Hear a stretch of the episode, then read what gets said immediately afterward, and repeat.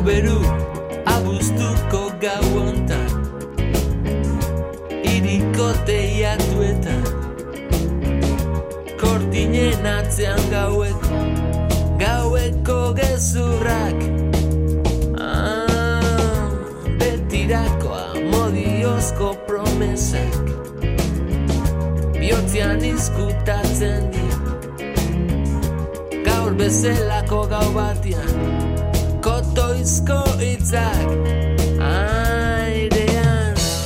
Hau berua Xavier ¿Qué tal estáis? Bienvenidos. Este es el segundo programa del regreso de la Casa de la Palabra.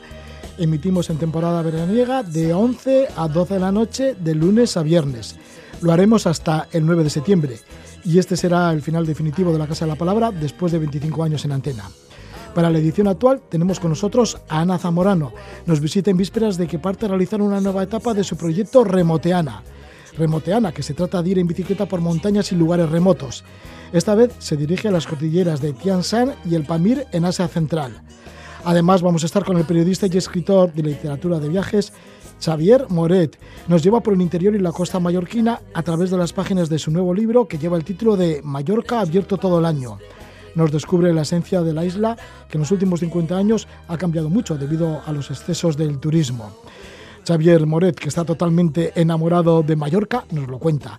Y además estaremos con Siro Soria, él es un gran aficionado a la apicultura, que cuando viaja va al encuentro de cuidadores de abejas locales.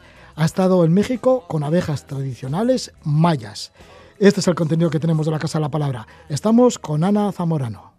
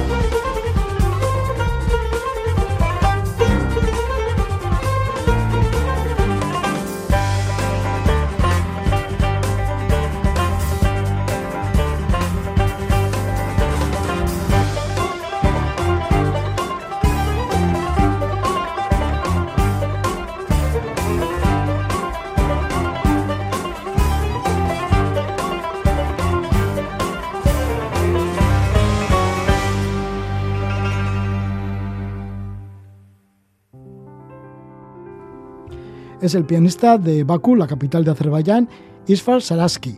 Esto nos va a llevar, pues sí, hacia el Asia Central. Y hasta allí va a llegar Ana Zamorano, porque tienen proyecto, a partir ya del viernes 1 de julio, de irse hacia destinos como Kirguistán, el Pamir y Uzbekistán. En esta nueva tanda de programas de la Casa de la Palabra, pues tenemos el gusto de estar una vez más con Ana Zamorano, a la que le damos la bienvenida. Gabón, muy buenas noches. Gabón, Roge, un placer estar aquí de nuevo. Vale, pues igualmente. Y es que sí, pues hay que decir que Ana, tienes el proyecto Remoteana, con el que ya has hecho muchas cosas, muchas, sí. muchas distancias largas.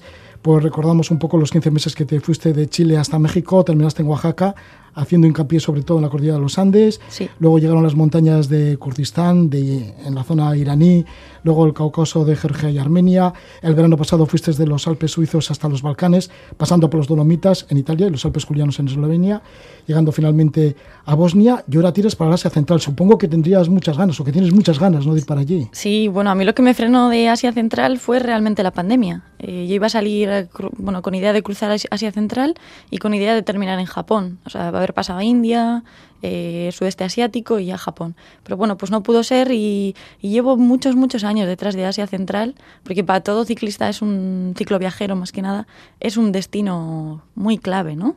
Muy clave, ¿no? Bueno, pues ahí está la ruta de la seda y dicen además, para los que os gusta la bicicleta y a, y a ti como remoteana, los lugares remotos es. y las montañas, pues está el Pamir. Y bueno, no solo el Pamir, sino también el Tian Shan, la escotilla Sí. del Tian Shan. Sí, sí. Realmente el Pamir sí que se lleva pues la fama, ¿no? Pero las Tian Shan yo nunca había oído hablar de ellas y tengo muchísimas más ganas que, que de la propia Pamir. Y bueno, pues voy a, voy a cruzarlas eh, y voy a añadir quizá unos pasos más de otra cordillera que está más hacia el oeste, pero sí, sí, o sea, voy a empalmar las dos, como quien dice. ¿Qué información del Tian Shan, que es el sistema montañoso este del Asia Central, localizado en la región fronteriza entre Kazajistán, Kirguistán y la República Popular China. Pues mira, realmente lo único que sé, Roge, yo ya sabes que voy siempre muy a la aventura porque no, no me gusta leer ni ver muchos vídeos antes de ir para que todo me sorprenda, ¿no? Y, bueno, realmente lo único que sé es que me va a gustar porque tiene las tres fórmulas que a mí más me gustan. Los lugares remotos, no, pues prácticamente vírgenes, eh, pues eso, glaciares, alta montaña y todo lo que eso conlleva, eh, caballos salvajes que me encantan y nómadas que me gustan todavía más. Entonces, esa combinación es perfecta. ¿Por qué te gustan los caballos salvajes? Además, por allí también habrá yaks. Sí, eso es. Hay yaks también como en el Himalaya y los caballos, pues no sé, pues eh, yo creo que de familia pues ya me, me, me tira mucho el mundo del caballo. Entonces, eh, pues caballos salvajes todavía más incluso. Bueno, pues a ver si encuentras esos caballos salvajes, los yaks, esos glaciales, esos nómadas también, Sí. porque a la hora de pernoctar, ¿cómo lo vas a hacer?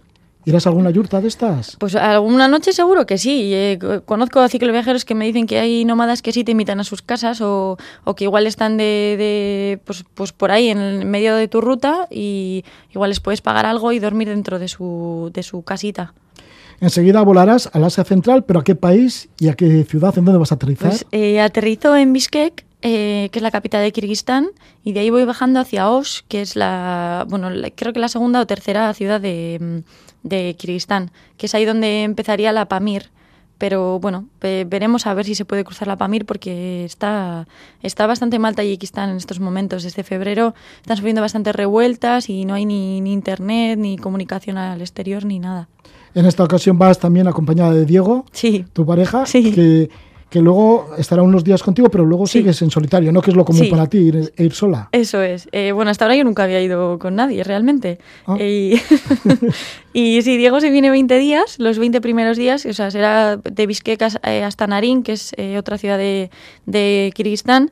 Y, y bueno, realmente mm, vamos a atravesar la, la primera parte de las Tian Shan juntos y luego yo ya me quedo allí hasta septiembre, sola. Los primeros días serán los más complicados, digo, porque si vas a ir por las Tian Sí. supongo que habrá pasos Sí. bastante elevados. Probablemente. Eh, de hecho, el primer paso son casi 3.000 de desnivel, porque al final Bishkek es una ciudad que está relativamente bajita y, bueno, pues el primer paso es, eh, son 3.000 y algo.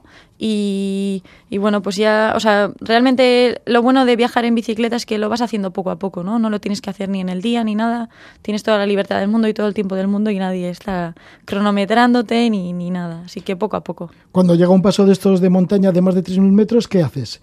Eh, ¿Sueles seguir eh, todo lo que puedas en la bicicleta o a veces descansas? Jo, pues eh, un poco lo que te pida el cuerpo realmente. O sea, hay veces que igual vas bien los primeros kilómetros, luego pues el cuerpo te pide descansar o comer. Entonces, yo realmente los primeros días son días de adaptación, ¿no? Y no sé, yo hablo con Diego y digo, bueno, probablemente los primeros días sean los, los más duros porque también eh, son los días que más comida cargas. Y luego ya llegas a un pueblito o algo y vuelves a reponer, pero poco a poco, a medida que vas comiendo, pues vas aligerando peso, ¿no? Esto de hacerte a la montaña, por ejemplo, en la época cuando ibas por los Andes, Sí. ¿cómo te hiciste a los Andes? Porque los Andes, fíjate, tienes que tirar 3.000, 4.000 Sí, metros. Sí, incluso 5.000 también hay 5.000. pasos en Perú. Eh, pues, pues poco a poco, Roja, es muy mental todo esto de, de viajar en bicicleta y yo creo que es más el 80% mental y, y el resto físico. Y ya te digo que como no hay nadie cronometrándote, no hay nadie que te diga que tienes que hacer X kilómetros al día o desnivel, pues poco a poco lo vas haciendo a medida que vas escuchando tu cuerpo. ¿Es en los Andes en donde descubriste el tema de remoteana? Sí, sí, sí. ¿Ah, sí. sí? fue a partir de Bolivia cuando dije, no, a mí lo que me gusta realmente es salirme del, del fuera, bueno, del- de, los lugares clásicos y del asfalto y empezar realmente a descubrir lo que, lo que esas montañas guardan, ¿no? Que es la cultura más, quizá más virgen ahora. ¿Qué encontraste ahí en los Andes? Y fíjate, ¿y encontraste, por ejemplo, con otros lugares en donde has estado? Sí. En el Kurdistán iraní, por Sí. las montañas del Jo, Kurdistán iraní. Increíble todo aquello. Se me pone la carne gallina. Yo sí lo recuerdo, parece que fue en otra vida, pero ha sido hace nada, de tres años. Y, y bueno, pues lo que te encuentras es eso, ¿no? Gente muy hospitalaria, eh, gente que, te- que te da absolutamente todo lo que tiene, que te abre las puertas de su casa, de su corazón. Ah, No sé, a mí me han tratado súper bien en todos los sitios. En los Alpes, ya bueno, Sí. más tirando aquí a Europa, ¿no? Los Alpes, los Los Alpes no tanto, me han tratado también. Ah, ¿no? ¿eh? No, bueno, pedalear, eh, mira, justo ayer lo hablaba con un amigo, que pedalear en Europa no es tan excitante como hacerlo fuera, porque al final es como, bueno, pues mm, no eres novedad para nadie mm, y para ti también es, es un, no sé, un paisaje mucho más común y una cultura pues muy parecida a la tuya, por no decir igual a la tuya, ¿no? Por ejemplo, los Alpes Julianos también en Eslovenia. Sí, al final son, Europa, pero- sí, eh, son sitios que se han masificado mucho en los últimos años, por desgracia, porque yo me acuerdo que estuve en Eslovenia hace cinco años y he notado mucho cambio del, de hace cinco años al año pasado. ¿Es más novedoso o más virgen el Cáucaso en Georgia y Armenia? Sí, hombre, claro, es todavía muy soviético. Eh, Georgia quizá el norte es eh, bastante turístico a nivel de trekking o de esquí en invierno, pero el resto del país, pues, es, pues a Georgia, como quien dice, o sea, está, sali- está saliendo de, de- bueno, ha salido de una guerra, ¿no? O sea, en 2008, no hace tanto.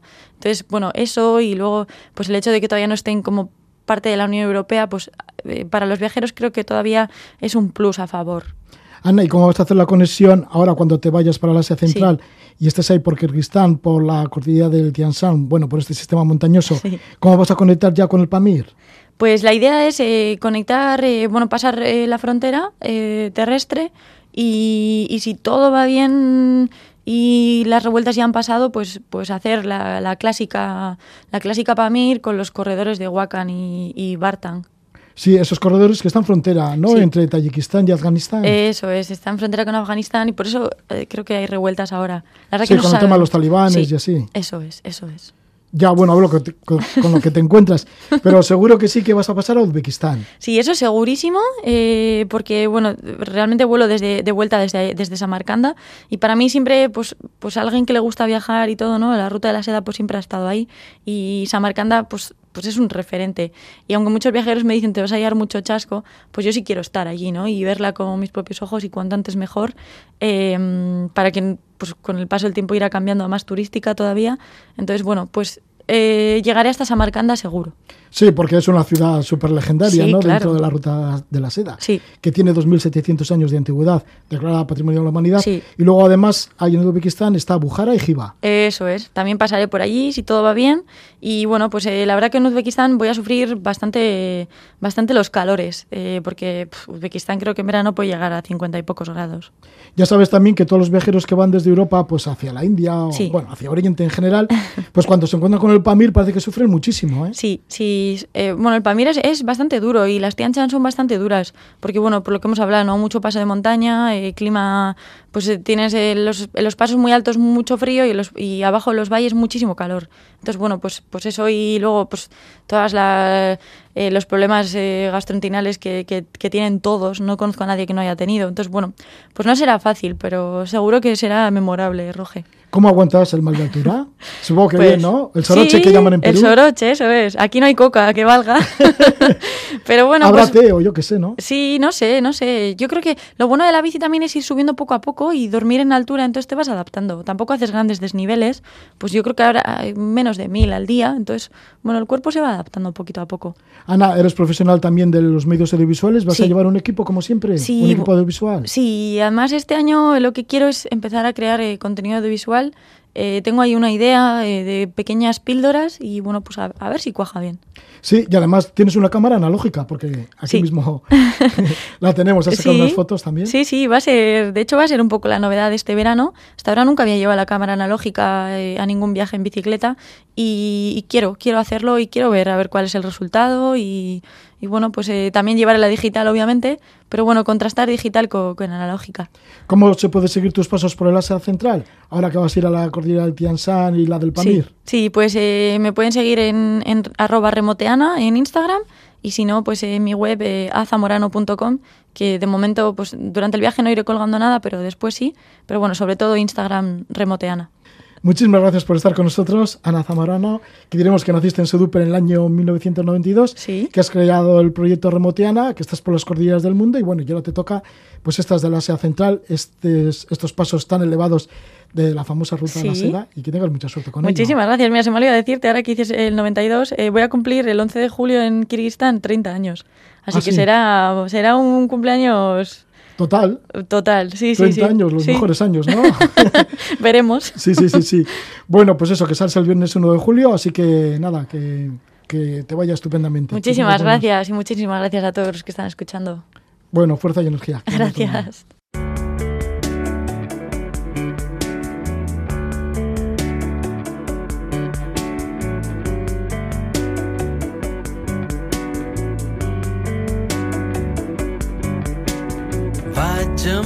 Pes, a motor vegetal, mineral, no és igual, te volant ves vent, que te puja, te baixa, te gira de panxa corrent, alterna i corrent, normal i corrent. La gent diu que la gent és molt pesada i el temps insuficient per fer les coses que mos agraden. Oh la la, me'n vaig a París, Madame Messier, i arriba a les zones calcificades del meu cervell.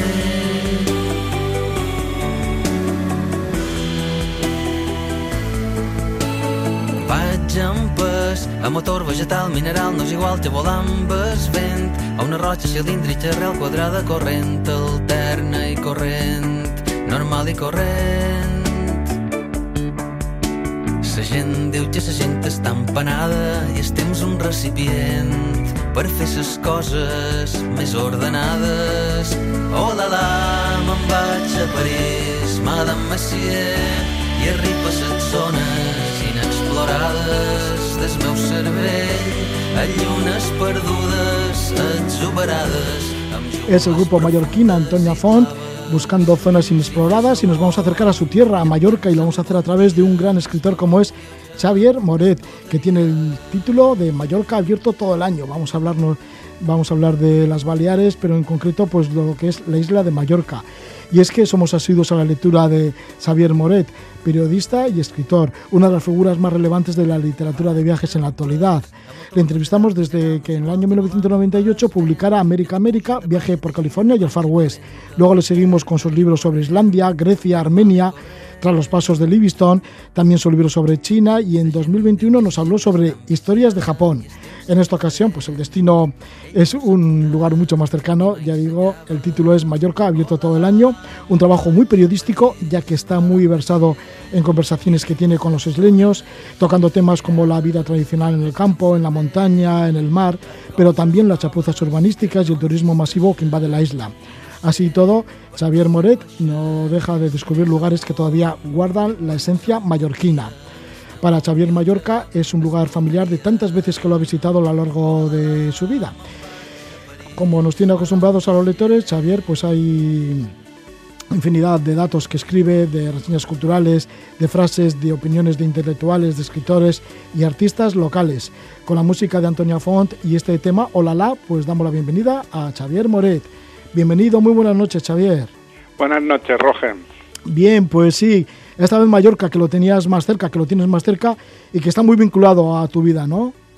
Sí, bueno, es, la tengo tan cerca que a los 20 años ya fui allí en barco con unos amigos, ya empecé a descubrir la isla y me encantó desde el primer momento, ¿no? Y he ido, he regresado muchas veces y al final, ahora, durante la pandemia, pensé que qué pasaría si fuera Mallorca con ojos de viajero, no con ojos de, de alguien que la conoce bien porque está cerca, sino con las gafas de viajero, digamos, del mismo modo que he ido a Japón o a Pasear por Mallorca, hacer viajes por Mallorca, pero intentando profundizar en, su paisaje, en su cultura, en sus gentes. Y el resultado es este, Mallorca abierto todo el año. Xavier, en el prólogo del libro confiesas que tienes una atracción desmesurada por las islas. Te consideras islómano de esos que cuando veis una isla en el mapa queréis viajar allí lo antes posible, ¿no? Y así, pues tienes varios libros sobre Islandia y también Mallorca. Fíjate, dos islas distantes, pero sin embargo son islas y ya hayas tenido que ir. Sí, sí, sí. Esto del islómano lo saqué de Lorenz Darrell porque él también era un enamorado de las islas, ¿no? Escribió sobre varias islas griegas, sobre Sicilia, y a mí me pasa lo mismo, en cuanto veo una isla en el mapa tengo ganas de ir allí. Islandia fue quizás la primera en la que me centré para escribir, también escribí sobre islas griegas y ahora en la primera idea quizás era escribir sobre las Baleares, pero me di cuenta que eran tan distintas una de la otra que preferí centrarme en Mallorca que es la que encuentro más interesante desde el punto de vista de variedad de paisajes y, de cultura. Ha cambiado tanto Mallorca en los 50 últimos años. ¿Con qué mentalidad has vuelto a viajar a Mallorca para la elaboración de esta nueva obra literaria? Bueno, Mallorca ha cambiado mucho. O sea, el turismo en algunas de sus costas ha sido excesivo, se ha construido demasiado, se han hecho muchas autopistas, a mi juicio, innecesarias, pero pasa que Mallorca sigue teniendo lugares maravillosos y lo que he procurado en mi libro es mostrar esos lugares y contar cómo, aparte de estas grandes extensiones de playa que promociona el turismo masivo o los grandes cruceros, también hay lugares tranquilos de Mallorca, pueblos de interior, pueblos de montaña de la costa. Entonces lo que hice fue viajar a Mallorca pero con la ventaja de que es un lugar cercano y de que puedo hablar con la gente. No es como Japón o como China, por ejemplo, que tienes una barrera lingüística y cultural. Y aquí me sentía más cerca y lo que hice fue adoptar un punto de vista más periodístico, de llamar a escritores, de llamar a pintores como Miquel Barceló o llamar a gente del campo para que me contara su visión de Mallorca. ¿Cuáles son algunas de estas impresiones que tuviste cuando llegaste por primera vez, que lo hiciste en barco a Mallorca con menos de 20 años?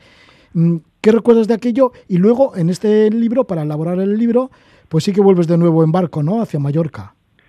Sí, yo de mis primeras impresiones, bueno, pues yo no conocía nada de Mallorca cuando fui allí con menos de 20 años, con los amigos que tenían una casa en Deia, un pueblo de la Sierra de Tramontana, y allí fui y me quedé sorprendido de la belleza del paisaje, donde la montaña se desploma sobre el mar, sobre los olivos centenarios, sobre un pueblo maravilloso que es de ya, que ahora se ha turistificado un poco demasiado, pero también de las historias que contaban sobre el archiduque Luis Salvador de Austria, que contribuyó a preservar esta parte de la costa, y de, recuerdo vagamente, la figura de Robert Graves, que aún vivía en Deia en aquella época, paseándose como un mito viviente, aunque su tenía una demencia senil y ya no era posible comunicarse con él, pero recuerdo haber visto al mito de Robert Graves que ahora está enterrado en el cementerio de Deia.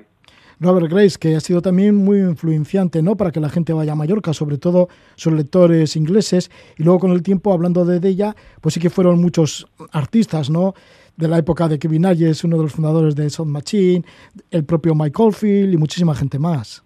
Sí, y artistas como Matty Clarvine. Fueron, es un lugar que decía Robert Graves que tenía un magnetismo especial. La montaña tan cerca del mar desprendía una energía creativa que decía los que podemos crear vinculándolo a la música, a la literatura o a la pintura o a las artes, lo aprovechamos ese magnetismo, pero los que no pueden corren el riesgo de volverse locos porque es una descarga de energía a la que no estamos acostumbrados. Él lo aprovechó bien, escribió grandes novelas como Yo Claudio, históricas y también mucha poesía maravillosa y también salió buena música de allí y bueno, y siguen yendo mucha gente bajo el influjo de Robert Graves que llegó allí por primera vez en 1929 y después de pasar diez años fuera a raíz de la guerra civil y la Segunda Guerra Mundial, regresó a la isla para quedarse. ¿Qué tiene Mallorca? Pues sí, que atrae también a artistas, escritores extranjeros, pero también tiene muchos escritores autóctonos.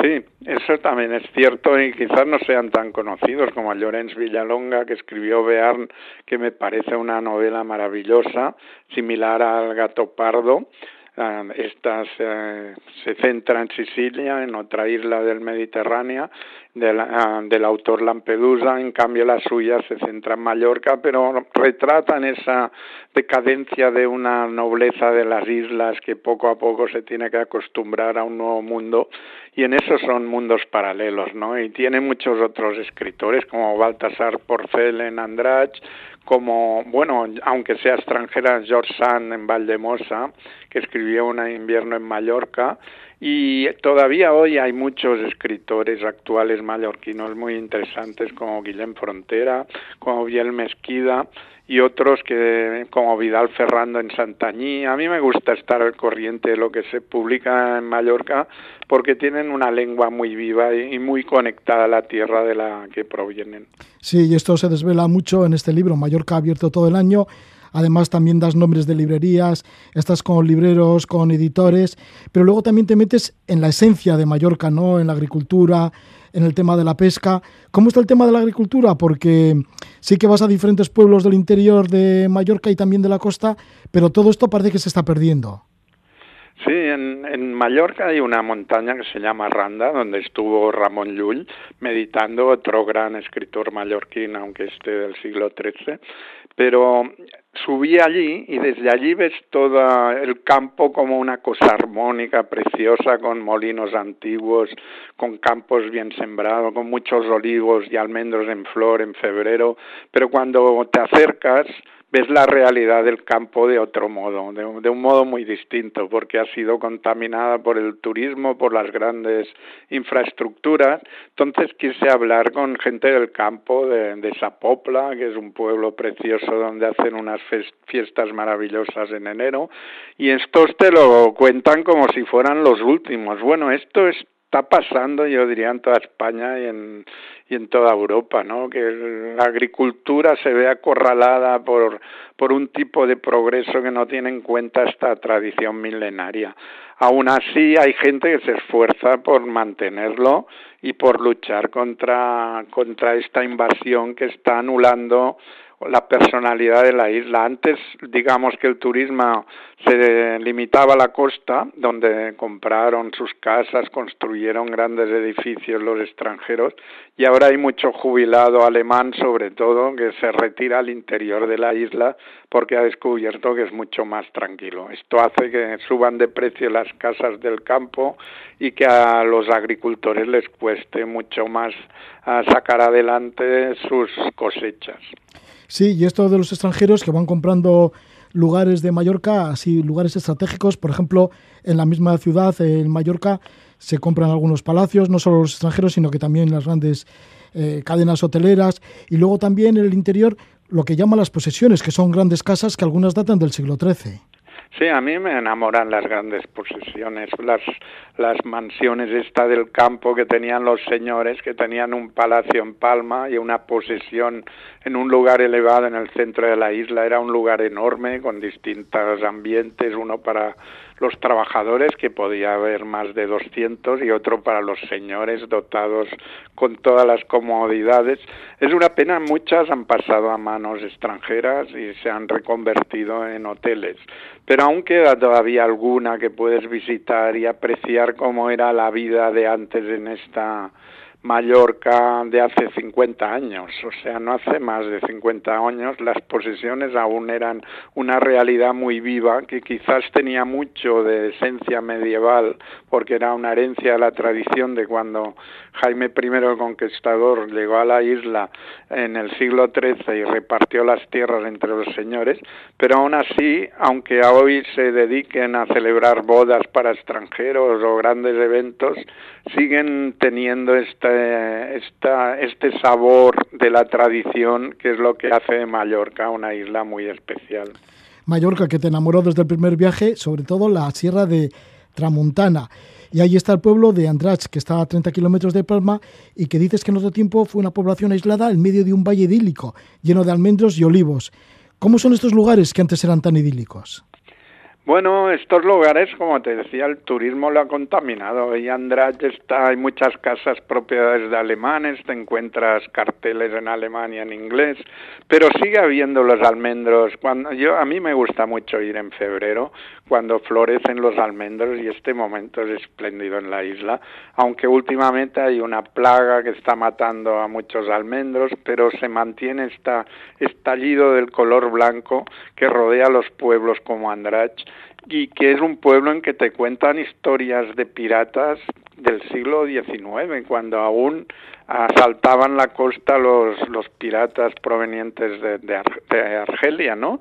O también te cuentan las historias de navegaciones de contrabando, que durante la posguerra estuvo tuvo gran importancia en Mallorca, o también de gente que emigraba a Cuba y se instalaban en poblaciones que todavía hoy tienen muchos nombres mallorquines, porque se quedaban allí, tanto en Andrach como en Soller, y formaban una especie de colonia lejos de su Mallorca, pero que aún seguía teniendo nombres mallorquines. El libro del que estamos hablando, estamos con su autor, con Xavier Moret, Mallorca abierto todo el año, pues nace de varios viajes hechos a Mallorca fuera de temporada.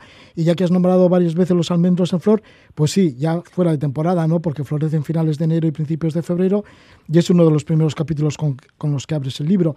Pero también hay otros capítulos de lugares ya no tan conocidos, ¿no? Como la isla de Sadragonera, que actualmente es parque natural y que gracias a los ecologistas que la ocuparon en el año 1977 y por todo su activismo, pues ahora hoy en día se conserva, ¿no? Porque querían por hacer allí, querían hacer allí una gran urbanización. Sí, ya estaba proyectada una gran urbanización y en el 77, como tú dices, hubo un movimiento de ecologistas que ocuparon la isla y consiguieron pararlo. Y es un ejemplo es una isla alargada pegada a la costa de Andrach.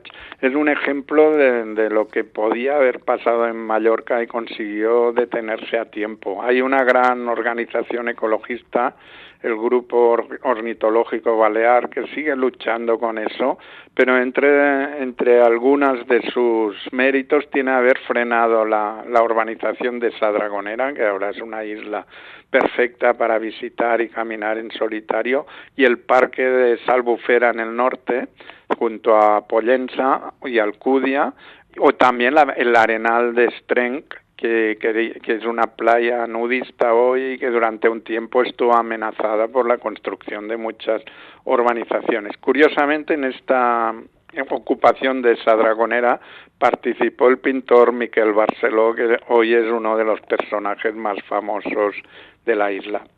En el libro también es muy importante la gastronomía, porque cada uno de los capítulos vas indicando diferentes sitios de Mallorca. En cada uno de los capítulos terminas con un plato típico, con productos típicos y además un local en donde se pueden probar estos platos. Sí, me di cuenta que la gastronomía es muy importante en Mallorca. Cuando vas ahí es muy distinta que en el resto de España y es, es muy creativa y espectacular y nace de la tierra, como decía Josep Pla, la gastronomía es el paisaje puesto en el plato y esto es lo que es la gastronomía en Mallorca. Entonces al principio hacía alguna referencia en algún capítulo hasta que me di cuenta que tenía que darle más protagonismo y al final de cada capítulo hablo de un plato mallorquín, de un producto o de un restaurante que permita contemplar la variedad de productos que hay en, en esta isla y la calidad de los platos que ofrecen, ¿no? Desde berenjenas rellenas hasta lo que le llaman el arroz brut, que es arroz sucio, o, el frito mallorquín o la coca de verduras. Muchas veces son productos que salen de la vida en el campo, pero que se han mantenido con un nivel de calidad muy alto.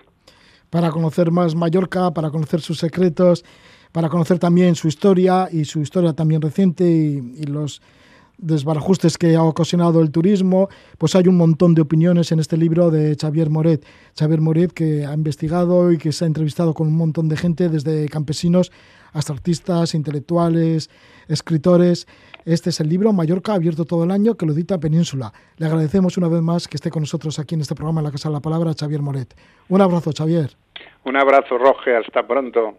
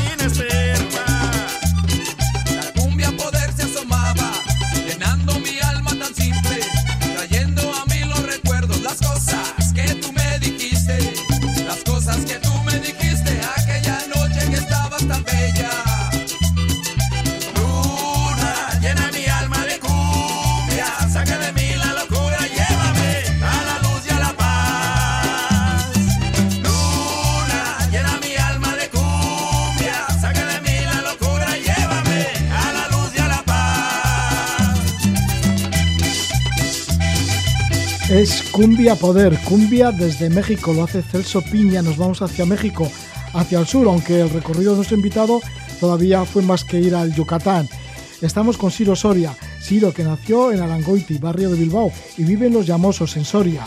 Sus grandes aficiones son la apicultura, la montaña y la, ornitología.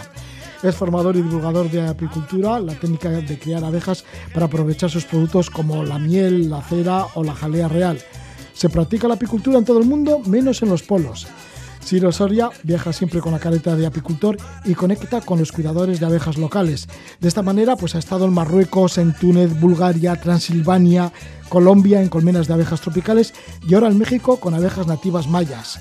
Vamos a hablar de estas abejas nativas mayas con Ciro Soria, con lo que se encontró en México. Bienvenido, muy buenas noches, Ciro. Buenas noches, Roge, ¿qué tal? Bien, Ciro, ¿cómo esta vez te ha tocado lo de las abejas nativas mayas? Además deben ser abejas sagradas, ¿no? Efectivamente, sí. Hace, hace un tiempo me leí un libro de, de Roche Domerego que hablaba de la abeja sagrada de los mayas. Digo, jolín, esto, esto es muy interesante. Y como ya había estado hacía pues un año, año y pico en, en Colombia también, en la Amazonía, con diferentes tipos de abejas tropicales eh, sin aguijón y meliponas y abejas de la tribu Meliponini, pues estaba ahí, digo, estas abejas, total, que este año se alinearon los astros, me salió un viaje para, para, una, para otra historia de, trabajo de, en, en, Yucatán y nada, volé a Cancún y nada, cumplí con mi parte del trabajo, pero luego ya me quedé veintitantos días en México y aproveché para, para visitar a unos criadores de abejas sagradas mayas, que ellos eran mayas, hablaban en maya y, vivían vivían en, el pueblo de Tequit, de, las abejas.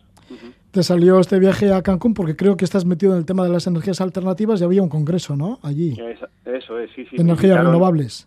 Efectivamente, me invitaron a un congreso de energías renovables y nada, estuve los primeros días en el congreso, pues allí en, en Cancún y luego ya me alquilé un coche y, cuando ya acabó el congreso y me fui me fui a casa de a casa de esta gente de Manuel y, y de, y de su familia sí sí sí estuviste en el pueblo de Tequit y ahí te dedicaste a, a ver cómo crían abejas sagradas mayas.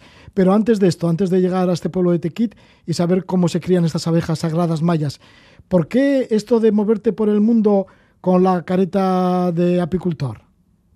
Pues bueno, realmente a mí me apasiona el mundo de las abejas, de los insectos en general, bueno, de, los animales, de la naturaleza en general, pero de las abejas en particular. Llevo ya muchos años con abejas, eh, ahora soy apicultor semiprofesional porque, bueno, me dedico sobre todo a divulgación y, y también doy cursos de formación, tengo mis propias colmenas, hago transhumancia, pero básicamente, bueno, eh, también trabajo con abejas con abejas silvestres en, investigación en, mi, trabajo y durante muchos años me he dedicado a, las abejas también de, forma exclusiva aquí en Soria. Entonces, pues eso, la pasión que tengo por las abejas eh, me ha hecho que cuando voy a algún sitio me cojo la careta, mis guantes y mi, mi traje de apicultor y previamente intento contactar como, como forma de entrar, digamos, en sociedad con gente que, que se dedique a la apicultura y la verdad es que hay cierta camaradería entre, entre apicultores, ¿no? Entonces,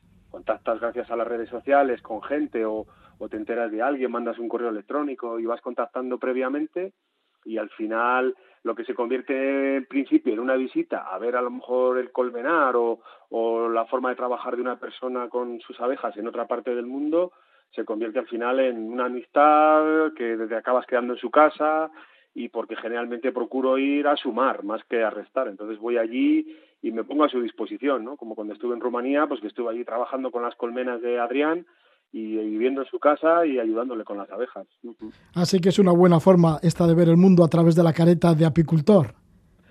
Pues sí, la verdad es que sí. Eh, yo, vamos, le he cogido el tranquillo, no sé, o ese, la camaradería entre apicultores, pero siempre está muy bien, ¿no? Intercambiar conocimientos. Y luego el tema de las abejas tropicales, como difiere un poco de la apicultura tradicional que, manejamos con abejas europeas, pues a mí me llama mucho más la atención. Y luego tienen pues eh, la ventaja de que se trabajan de otra manera porque no pican, no tienen aguijón, y como es el, caso de la, de la abeja maya, que era sagrada para los mayas. Es una abeja que los, mayas la consideraban sagrada porque eh, se supone que, eh, según la creencia maya, eh, los beneficios que tiene la miel eh, eh, había, sido transmitida por los dioses a través de las abejas.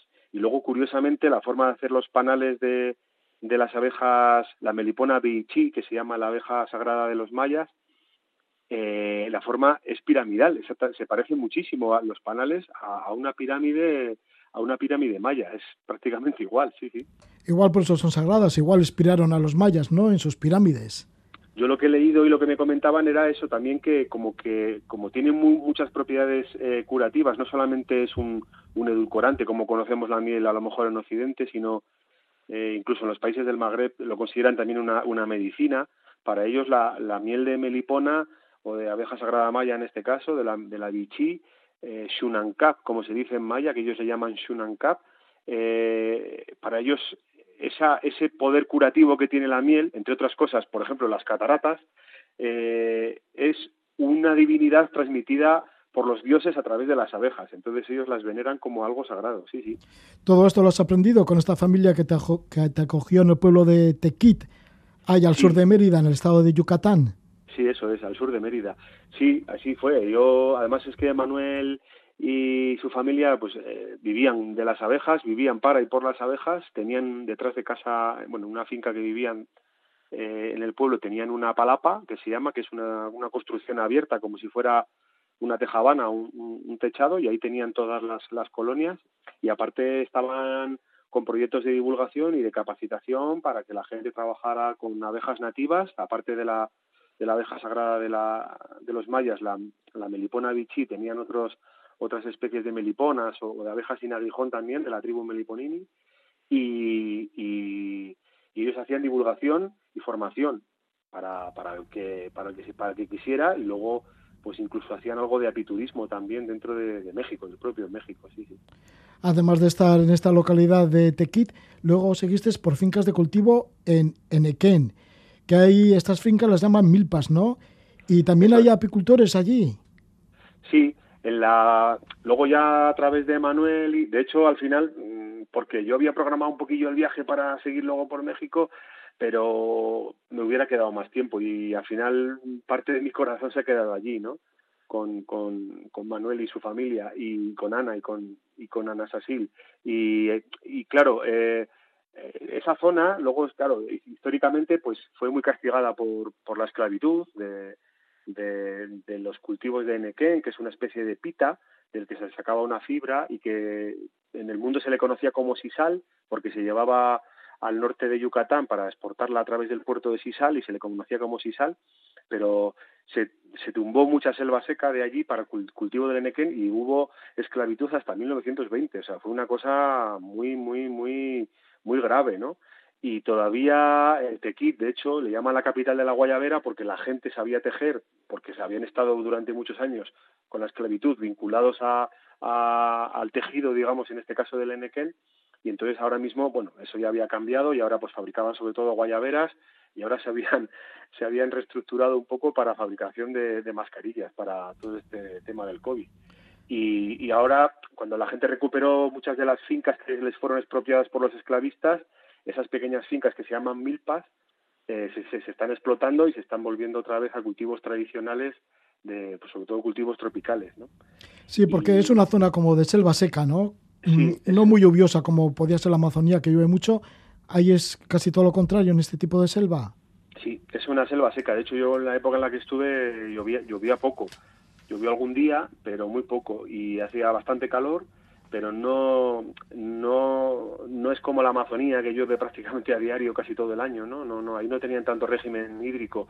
Y luego eh, la zona estaba un pelín devastada, o sea, como son terrenos un poco pobres, porque son además muy pedregosos, eh, el hecho de haber tumbado en su día la, selva seca para cultivar el enequén ha hecho que todavía pasen muchos años, faltan muchos años hasta que eso se vuelva a regenerar y bueno, lo van haciendo poco a poco. De hecho, en las fincas enequeneras había unos carriles de una especie de trenes, como si fueran de vía estrecha pequeñitos, que se empujaban por caballerías y que ellos todavía utilizan para ir a las milpas y que tuve la ocasión de, de estar allí con ellos, ir a, las milpas en, bueno, o, empezar lo que le llaman ellos el truck, que son unos carriles de tren de físicos que tienen, algunos tienen hasta 30, 40 kilómetros y entran en, en, lo profundo de la selva y que la gente lleva unos carritos con, unas, con unos rieles como si fuera un tren en pequeñito tirado por caballerías para llegar a sus milpas para, bueno, pues para lo que cultivan allí, que cultivan un poco de todo. Tienen cultivos tropicales, lo que pasa que tienen que hacer algo de aporte de agua de vez en cuando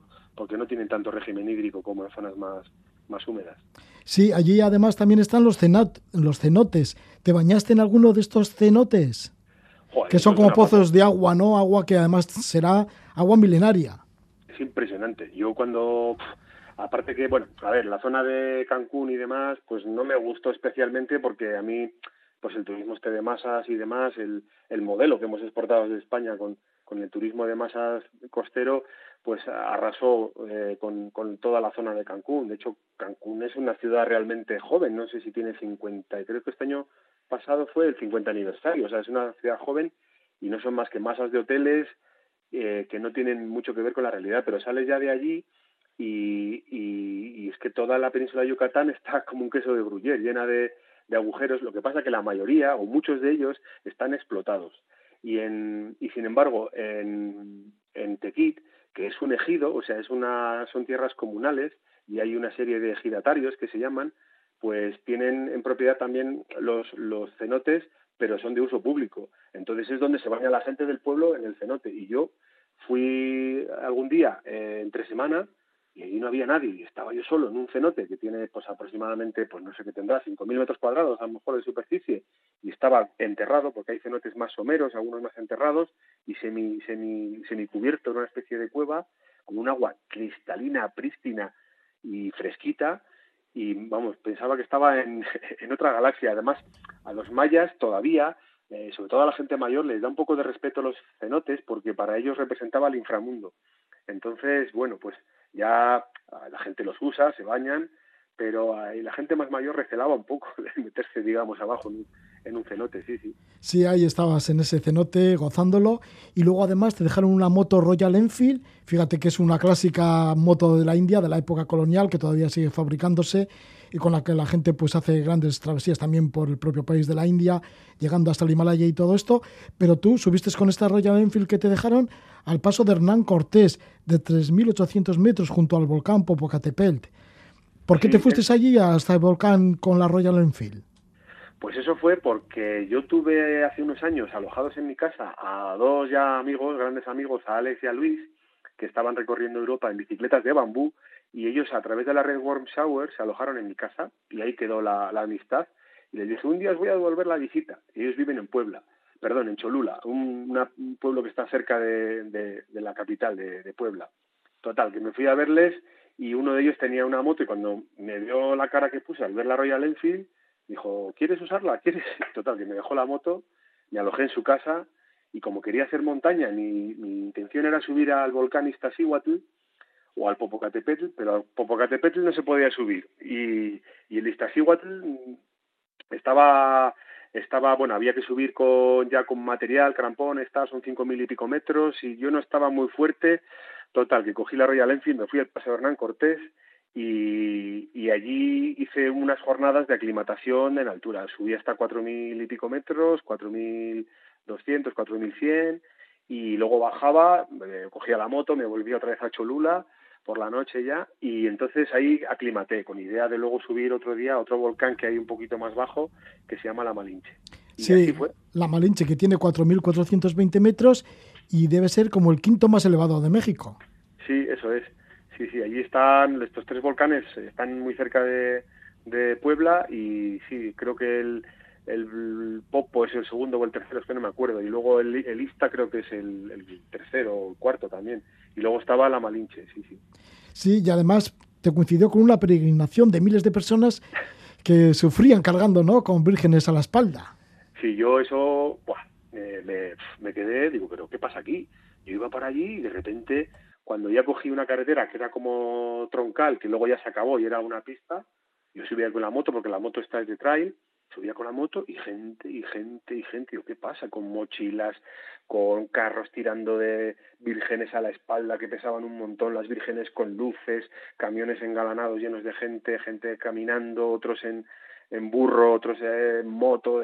¿qué y yo cuando llegué al paso Hernán Cortés, yo, ¿qué pasa? dice, pues que es la Virgen de, es la peregrinación de la Virgen de la Guadalupe. El domingo es el aniversario y ahora lo han abierto después del COVID y tal, y vamos allí a, venerar a nuestra Virgen. Y me impactó muchísimo porque eran miles de personas por las laderas del Popo y de y del por allí, por el paso Hernán Cortés, con un frío que, que hacía de, de, del carajo allí y, y, había gente por allí durmiendo y gente que estaba agotada de cansancio, mucha gente que no está acostumbrada a caminar, otros que decían ir descalzos, que llevaban los pies desollados, uno que te encontrabas durmiendo en una cuneta, bueno, era una cosa alucinante la, devoción que hay por la Virgen de la Guadalupe. Sí, que luego estuviste en Ciudad de México y también te fuiste a ver a la Virgen de Guadalupe, pues gracias a toda la energía esta que te habían dado todos estos peregrinos. Estamos con Ciro Soria, nos habla desde Soria, él es apicultor, gran aficionado a la apicultura, da cursos también de apicultura y cuando viaja, pues viaja con su careta de apicultor para contactar con familias que se dedican a este oficio. Y ahora pues nos está comentando mm, sus vivencias en México, especialmente en el Yucatán, en el sur de México, además conociendo pues a la abeja sagrada maya conocida con el nombre de Sunan Cap. Muchísimas gracias por estar con nosotros, Siro Soria. Muchas gracias a vosotros, Roge, un placer.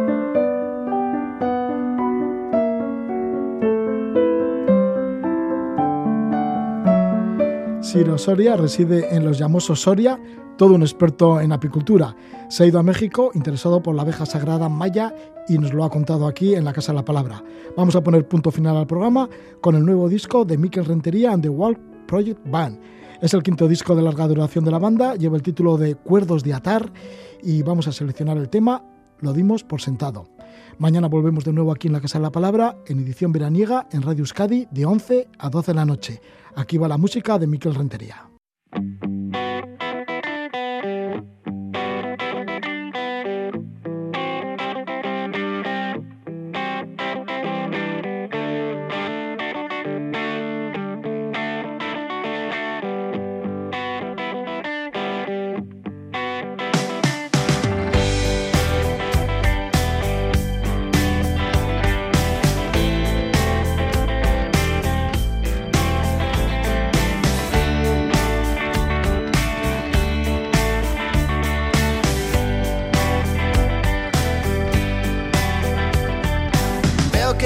Con los ojos claros, veo que sonríes otra vez de lado, veo que te veo feliz.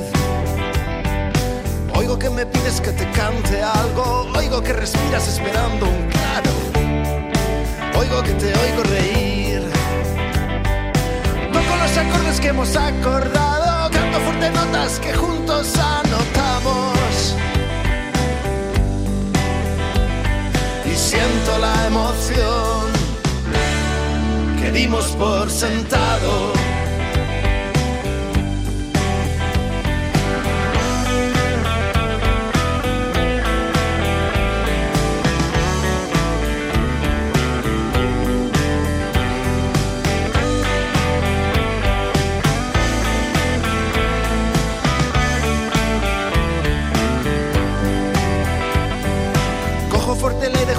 A tu huele a un valle fresco recién madrugado que me huele a ti.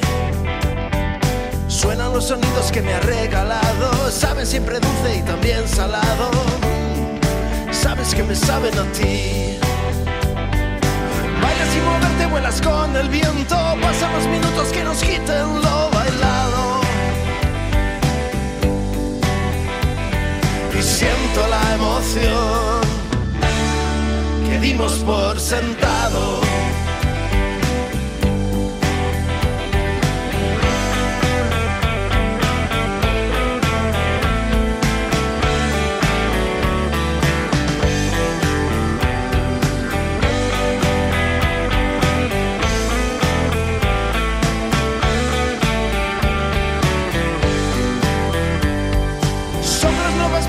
revelados, fotos saturadas, calor rojo del pasado. Un rando de arena, tiempo almacenado, pasan poco a poco segunderos engranados. Sonríes y me miras más acariciado, solo quiero tiempo y cogerte de la mano. Y siento la emoción dimos por sentado. Y siento la emoción que dimos por sentado.